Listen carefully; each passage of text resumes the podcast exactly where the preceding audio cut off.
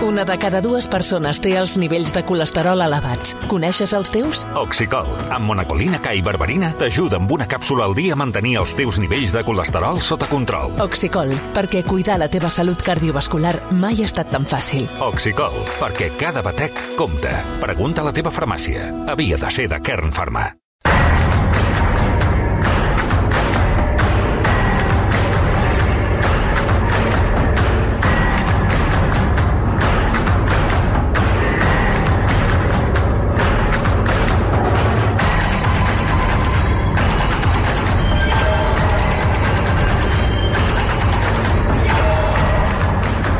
I això vol dir que entrem en el món de l'ultrasports amb la Gemma Montero. La Gemma, bona nit. Hola, Xavi, bona nit. I avui, encara que sigui de manera figurada, pujarem a l'Everest per saludar el guanyador de l'Everest eh, Trail Race. Sí, de, de forma simulada, perquè si aquí fa fresqueta, imagina't eh, com deuen estar allà. És Miguel Eras, el eh, corredor salmantí, que acaba de tornar de Katmandú. Miguel Eras, recordem que té 47 anys i ha guanyat aquesta setmana al Nepal la desena edició de l'Everest Trail Race després d'imposar-se en quatre de les sis etapes, en lluita amb el nepalès Suman Kulung. De fet, Eras dominava clarament la cursa i a l'última jornada tot es podia torcer, ja ha passat alguna vegada, perquè el perfil de l'etapa afavoria el nepalès com pots imaginar, són els eh, eh, favorits i més experimentats a la zona, però finalment era s'ha convertit en el segon occidental després de Jordi Gamito en guanyar aquesta prova. Potser, ara li preguntarem, aquesta sí que és la prova més dura del món. Hola, Miguel. Buena nit, buenas noches. Hola, ¿qué tal? ¿Cómo estáis? Muy bien. ¿Ya en casa? Sí, sí, sí, ya estoy en casa, tranquilo. ¿Y recuperado o aún eso requiere un tiempo, Miguel? Eh, a ver, físicamente estoy bien y ahora pues ya sabes, el tema del sueño, de dormir poco en el viaje y estas cosas, pero bueno, esto en un día ya se va. ¿Has vuelto a correr o no desde que se acabó el Everest Trail Race? Sí, sí, sí, algún día incluso allí en Kamandú, eh, el día después de la carrera, ya hicimos por allí alguna cosita. ¿Es la victoria más, eh, más difícil o el triunfo más difícil, como decía ahora Gemma, este en el, en el Everest Trail Race? Eh, ¿Del año te refieres? Bueno, del año de tu, bueno, tu carrera es, es larga, pero del año, empezando por el año, ¿lo sería o no? Mm, bueno, no, yo creo que, bueno, son todas difíciles, ¿eh? Lo que pasa que, bueno, esta, por lo que decía tu compañera, eh, ahí por etapas y luchando cada día, pues era uf, intenso, ¿no? Porque nunca sabes al final cómo te vas a encontrar al día siguiente, cómo se va a encontrar tu rival, porque al final se quedó la carrera en, eso, en, esta rivalidad entre Suman y yo, y, bueno, eh, un poco agónica, así que ha sido, sí, pero bueno, no sé si comparable con otras. Claro, no deja de ser una carrera cada día. Es, es verdad que el, el, premio final es, es en, en, el último día, pero no deja de, de, ser una presión cada día, como dices, para ver a ver cómo me encuentro hoy, ¿no? Sí, sí, sí. Uh, y cómo se encuentran los demás, ¿no? También, esto, claro. Esto es un... Al final vamos todos en campamento y hasta incluso en el desayuno nos vigilamos a ver qué cara trae uno, qué cara trae el otro, a ver lo que hemos dormido, ¿no? Y, y es un poco así eh, sí que es más más tensión que no que no las carreras de un día no que vienes la haces te vas y ya no aquí cada día es eh, un poquito de tensión Gemma Sí, además, Miguel, creo que no era el mismo recorrido que, que el año pasado, el, el, recorrido que tú ya conocías de tu primera vez. Sí.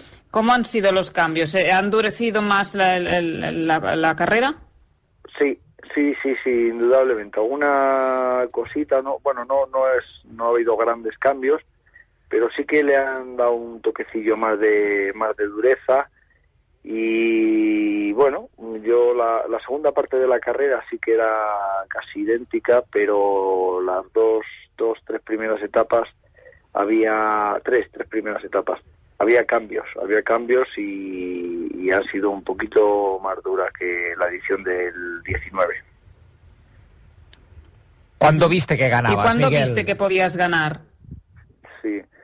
Bueno, eh, a ver, hasta el, la etapa dura, en realidad, la más, o etapa reina, si quisiéramos llamarlo así, era la, la quinta. Yo ya llevaba ahí una ventajilla de 12 minutos sobre él, pero la idea mía era pues aumentar un poco para que en la última etapa que tiene eh, bueno entre comillas no tiene ventaja un poco suman sobre nosotros pues ir un poco holgados de tiempo.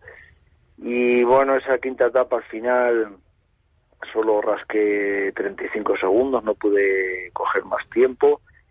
Y en la última bueno pues estuvo ahí el, el juego. Es muy difícil no que en, en 30 kilómetros que tenía la etapa, un poco menos, te pueda quitar 13 minutos, 12 minutos y pico, pero, pero nada es imposible. Y hasta que no quedaban 4 o 5 kilómetros a meta, pues yo no, no bajé la guardia ni un, pero ni un instante. ¿No has tenido ningún eh, mal momento gordo uh, en, en, toda la, en toda la prueba, Miguel? No, quizá, la, quizá esa ha sido la clave, ¿no? Que, que ha sido un poco la constancia, porque él en la tercera etapa, en la segunda creo que hizo un exceso, un exceso ahí en un en el final de la segunda etapa, en el que en altitud, como vosotros sabéis, el, cualquier cualquier exceso se paga, se paga caro porque bueno eso se, se multiplica, ¿no?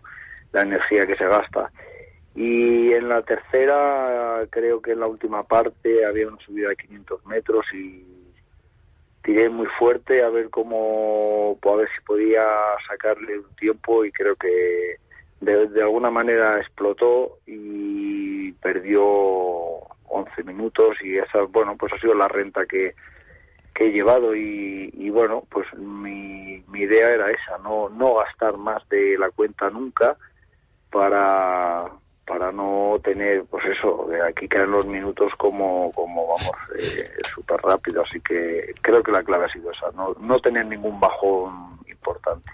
Ara parlàvem, Gemma, d'aquesta última etapa amb, amb el Miguel Eras, perquè de fet l'any 2019, no, Luis Alberto Hernando, Gemma, va perdre eh, la victòria final en aquesta última etapa. Sí, aquesta última etapa que, que com deien, no, afavoreix els nepalesos perquè és baixada, per conèixer millor el terreny, i ell tenia 13 minuts i 16 segons d'avantatge, però, però va perdre, ¿no? Eh, Miguel, no sé si recuerdas eh, lo que le pasó a Luis sí. Alberto, si lo tenías en mente, ¿no? Supongo. Lo tenía súper super presente, porque, bueno, ya es, es, es, algo que habíamos comentado. Luis Alberto en Nance Basar, que es un pueblecito que está allí bastante alto, eh, creo que entró mal, eh, se despistó, perdió un poco de tiempo, eh, el nepalí baja súper rápido y, y, creo que ahí se le fue se le fue la carrera. Luego en esta última etapa hay ocho puentes que hay que atravesar y bueno, y los puentes son para todos, son para los jacks, las mulas, lo, las vacas y los porteadores, ¿no? Entonces en el momento que que hay una manada de jacks o de, o de, o de mulas dentro, eh, no puedes no puedes pasar hasta que no salgan. Entonces, si el corredor pasa, el, tu rival pasa y tú te quedas estancado, es tiempo que vas a perder. Así que la estrategia era no despegarnos ni un solo metro uno del otro y, bueno, pues eso al final hace que la tensión uf, sea sea considerable. Claro, claro, yo me imagino, ¿no? Es decir, uf, aquí quedó, bueno, enganchado, ¿no? Casi cogiéndolo de la camiseta, de decir, aquí no, no, te, no te vas a escapar, que, que, que aquí sí. nos estamos jugando la victoria, ¿no? Sí, mira, un ejemplo es que eh, en, el prim, eh, en el primer puente había una bajada nada más empezar, súper, eh, súper, bueno, técnica no era, pero era muy, muy rápida. Uh -huh eh, él ya lo tenía súper claro y empezó a bajar a muerte, yo iba pegado a él, la hicimos en 10 minutos escasos. Eh, y llegamos al puente y estuvimos nueve minutos parados en la entrada del puente los dos porque porque no dejaban de pasar animales. De, bueno, de hecho llegó todo el pelotón, toda la, todos los corredores, al final nos volvimos a juntar, salimos todos juntos y imagina que yo pierdo un poco de claro. comba en esa bajada. Que él pasa y tú no, ¿no? Claro, son, me metería en un puente nueve minutos. Y imagínate la tensión de ahí a metal a que lo que puede llegar a, a pasar. Entonces, sí que era uf, medio tensa la última etapa. Claro, claro, es como el coche de seguridad de, lo, de la Fórmula 1, lo que pasó, entonces todo el mundo se reagrupó otra vez, eh, esperando que, abrieran el, puente para poder pasar todos, eh, todos juntos. Decías lo de la altura y cómo castiga la altura un mal momento. ¿Eso cómo se prepara, Miguel? ¿Hay, ¿Duermes en, eh, en cámaras para simular la altura que te encontrarás en, en este Everest Trail Race o cómo lo haces? No, no he hecho nada específico. Yo tengo, bueno, eh, al final las condiciones en las que vivo yo no, no son malas para eso. Vivo a 1100, uh -huh. eh, trabajo, mi trabajo está en una estación de esquí que estoy a 2000 metros, 2400, entreno también por arriba.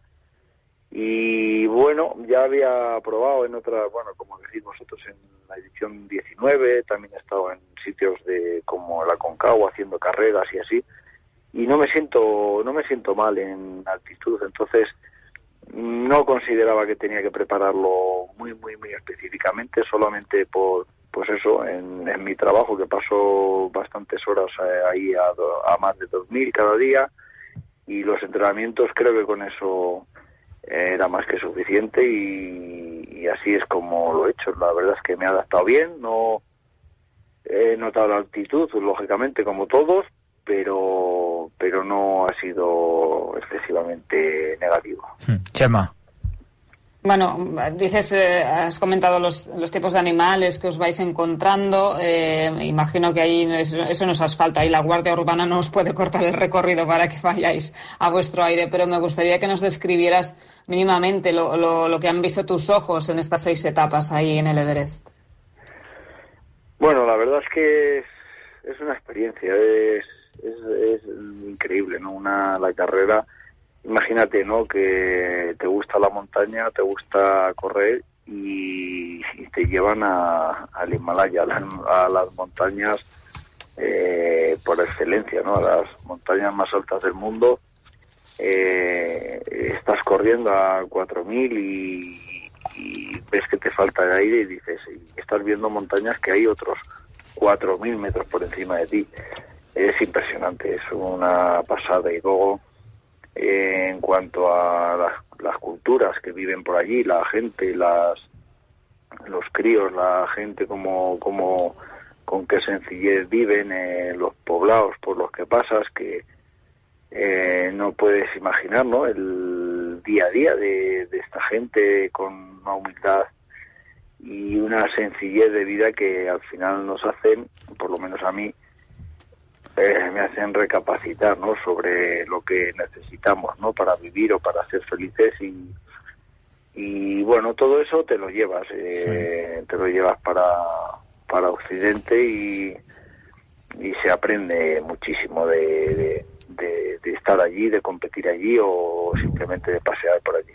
Tú eres montañero, tienes eh, que algún 4.000, algún 5.000, algún 6.000, subo más, algún 7.000 en tus piernas, Miguel, ¿qué, ¿qué, tienes? No, no, realmente ahora soy un chavalillo.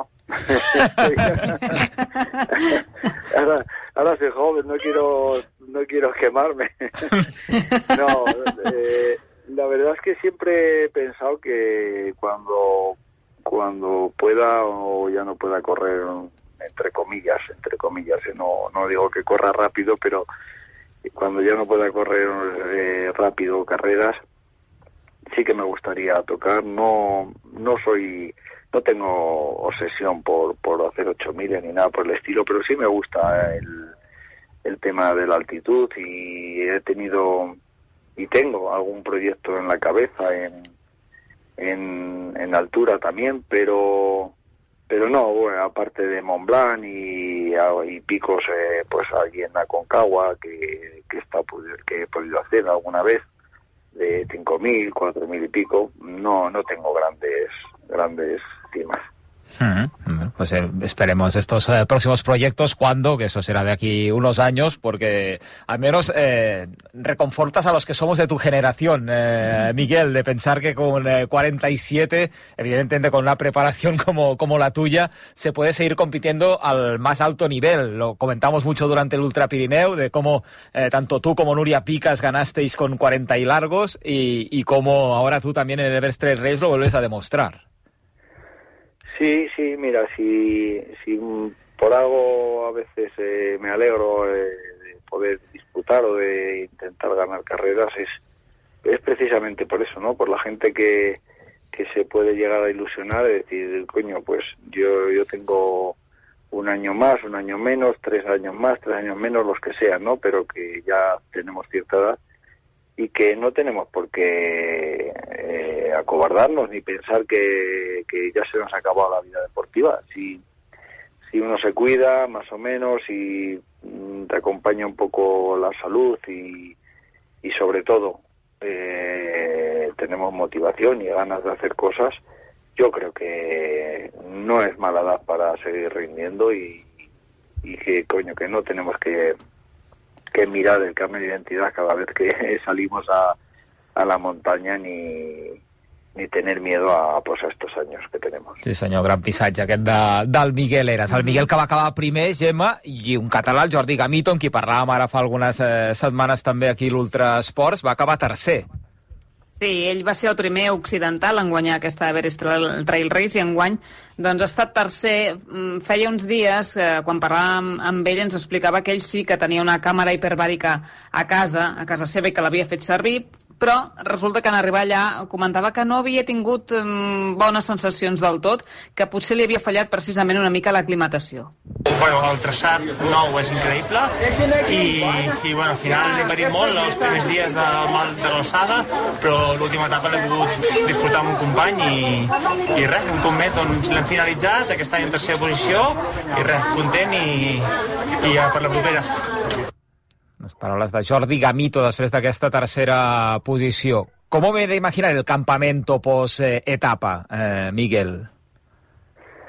Bueno, la verdad es que es, es, es, una pasada. La convivencia entre todos es, es increíble. Al final hacemos eh, los corredores que seamos, pues tantos como somos, tantos amigos te llevas otra vez para, para casa, porque al final eh, yo siempre digo que en situaciones críticas o de sufrimiento, ahí es donde donde te unes no a la gente que, que te ayuda o que te apoya o que simplemente te hace un guiño no y bueno pues los campamentos nada más llegar después de correr es eh, contar como en todas las carreras no las sensaciones lo que nos ha pasado lo que nos ha dejado de pasar y luego eh, pues la, el día a día, el, las cenas, eh, por la mañana los desayunos, preguntarnos qué tal has dormido, la estrategia esta que tenemos ahí todos un poco de, mm. de competición, pero siempre en un plan muy, muy, muy sano.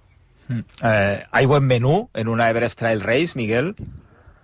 Sí, en la Everest, eh, bueno, ya decíamos, vamos a ir a casa más gordos, decíamos todos, pero que eh, al final te, sí, te ponen, es una pasada, es increíble cómo organizan, cómo nada más llegar a de las etapas, eh, fíjate que las diferencias entre primeros y últimos es considerable y a cualquier momento tenías eh, comida, bebida, eh, todo tipo de, de asistencia y, y los menús muy variados, no creas que siempre estás ahí comiendo lo mismo, ¿no? Eh, cuidan mucho el tema de, de, de la hidratación con, con, caldos, con sopas, para que no sea siempre agua, agua.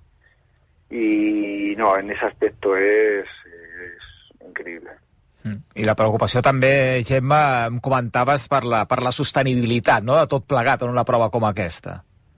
Bueno, sí, òbviament la, la, la, la gent que ho porta, que són de Catalunya, estan preocupats per aquest tema. Tu, Miguel, también te preocupa la sostenibilidad y has participado incluso en alguna sesión de plugging, que es, es sí. esto que a lo que se le llama en inglés recogida de residuos en, en la sí. montaña. Es un tema que tú también estás bueno, preocupado por eso. ¿Estaba limpio el Everest? Porque tenemos la, en la retina esas fotos del Everest masificado, sucio.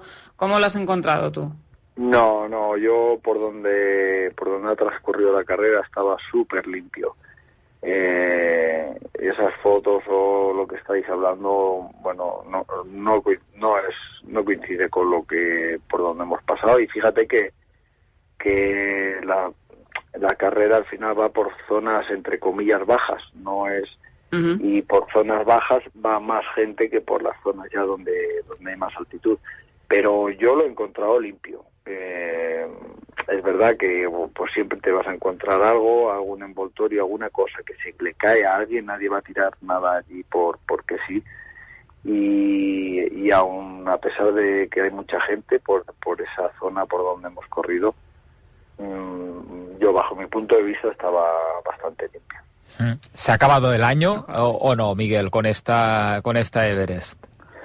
Mm, Tengo, tengo pendiente o pensado dos carreras que me he comprometido, que es una el K42 de Anaga en Tenerife, que es una carrera del circuito K42 y me gusta mucho, voy intento ir cada año, que es en el puente de diciembre, y luego en Cádiz eh, la siguiente semana otra carrera de unos 40 que en una sierra muy chula y en Zahara de la sierra y, y creo que ahí ya bueno ya no quedan más días un par de, No par- te da el año ya. Sí, porque una San Silvestre de asfalto a ti no te veo mucho, ¿no, Miguel? ¿O, o qué? oye pues ya estoy ahí ¿Eh? estoy dándole vueltas a la cabeza ¿eh? a una San Silvestre Ah. quizás no pero media maratón y maratón lo quiero tocar y, y no me quiero hacer demasiado mayor para, para, para tocarlo también ese, ese tema Ah, de que el 2023 te podemos ver en una media maratón eh, de asfalto. perfectamente Ep. Y ya sabes, ya sabes el mapa cuál, y ¿no? Ya sabes cuál, ciudad, Miguel, ¿no? ¿o no? No, no, no, no, no, no sé cuál, no sé cuál, pero, pero sí que, sí que quiero, sí. Aquí, bueno, la, la de mi pueblo, aquí en Bejas, es peculiar porque es una media maratón de, de asfalto, pero es dura, no, no vienen a hacer marcas aquí porque eh, tiene 500 metros de desnivel y, y es un poco especial, ¿no? Pero a lo mejor probamos por ahí y luego ya iremos y yendo a alguna más llanita, más, más, plana. Muy bien, pues eh, estaremos atentos al, al calendario 2023 a ver en el asfalto también donde vemos a, a Miguel Eras.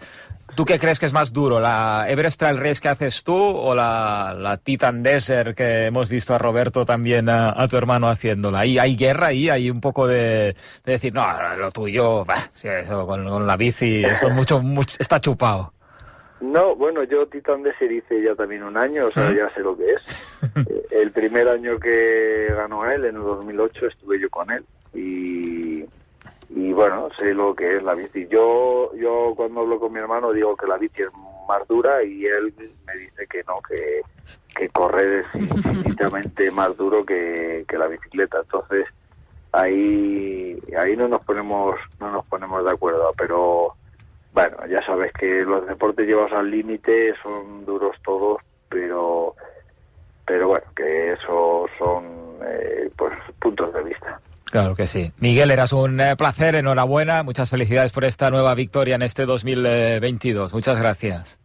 Gracias a vosotros, un abrazo. Miquel Leras, campió l'Ultra. Pirineu, campió a l'Everest eh, Trail Race, signant un magnífic 2022, 47 anys té eh, Miquel Eras, amb aquest missatge de dir es pot fer esport a qualsevol edat, sabent els teus límits, evidentment, mm. i cadascú al seu ritme, però és un bon missatge el que envia també Miquel Eras aquí a l'Ultra Esports, gran eh, personatge.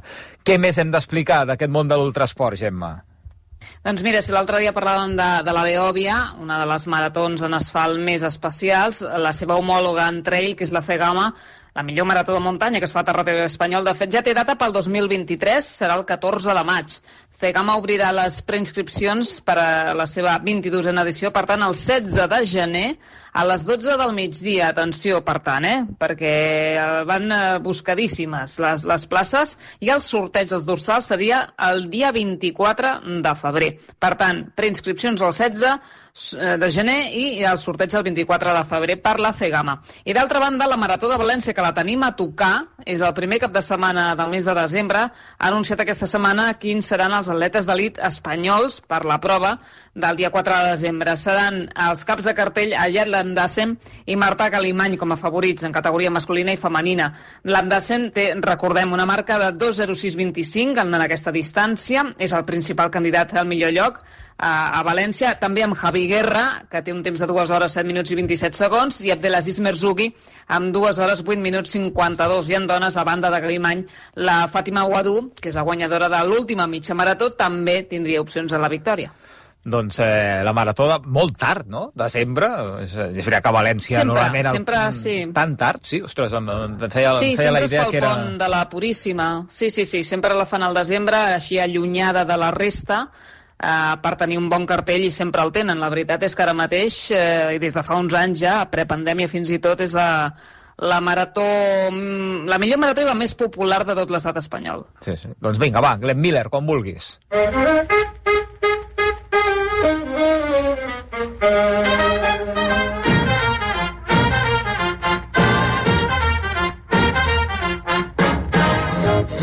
sona Glenn Miller vol dir que hem de saludar en Miquel Pucurull i tancar l'Ultrasports amb ell, que avui ens porta la història de Wilba Rudolph, la gazela negra. Amics i amigues, dissabte passat es va complir 28 anys de la mort d'una atleta nord-americana mítica, Wilma Rudolph, la gazela negra, li deien. I m'hi vull referir a mode d'homenatge. Durant els primers sis anys va haver de caminar amb un aparell ortopèdic per una minusvalidesa. Va anar millorant gràcies a una intensa rehabilitació sempre estimulada per la seva mare i l'adolescent va començar a destacar en l'atletisme al seu institut. Tenia un enorme potencial com a velocista i aviat va formar part de la selecció nord-americana. Va participar als Jocs Olímpics de Melbourne de 1956 i amb l'equip del 4% va aconseguir una medalla de bronze. Quatre anys després, els de Roma, va guanyar en els 100 i 200 metres i un altre cop en el 4%. La primera nord-americana en guanyar tres medalles d'or en uns mateixos jocs. Convertida en glòria nacional, en retirar-se es va dedicar a entrenar els joves marginats. La seva vida va ser una mostra del que és possible aconseguir amb tenacitat. De petita va haver de lluitar contra la pobresa i més tard contra la discriminació racial i sobretot per superar una seriosa discapacitat. Una lesió per la qual els metges deien que no podia caminar mai. La seva mare, però, li deia que sí, que podria, i ella la va creure. El 1961, amb 21 anys, va ser la dona més ràpida del món. Fins al cap de setmana que ve, correu molt. De pressa, a poc a poc, però molt. Doncs amb el Miquel Pucrull tanquem aquesta edició d'aquest 20 de novembre de l'Ultra Esports. La setmana que ve més, sabem per on anirem o encara no, Gemma? La setmana vinent eh, ja ens podem calçar perquè si tot va bé parlarem amb el Valentí San Juan, que ja saps que va de bogeria en bogeria, i demà comença una de les últimes d'aquest any 2022, que és un doble Ultraman.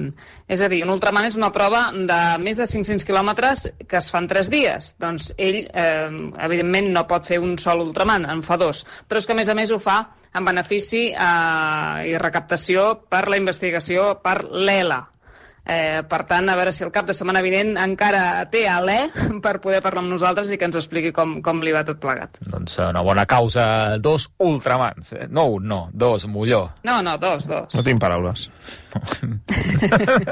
Gemma, fins la setmana que ve. Adéu-siau. Adéu-siau, gràcies.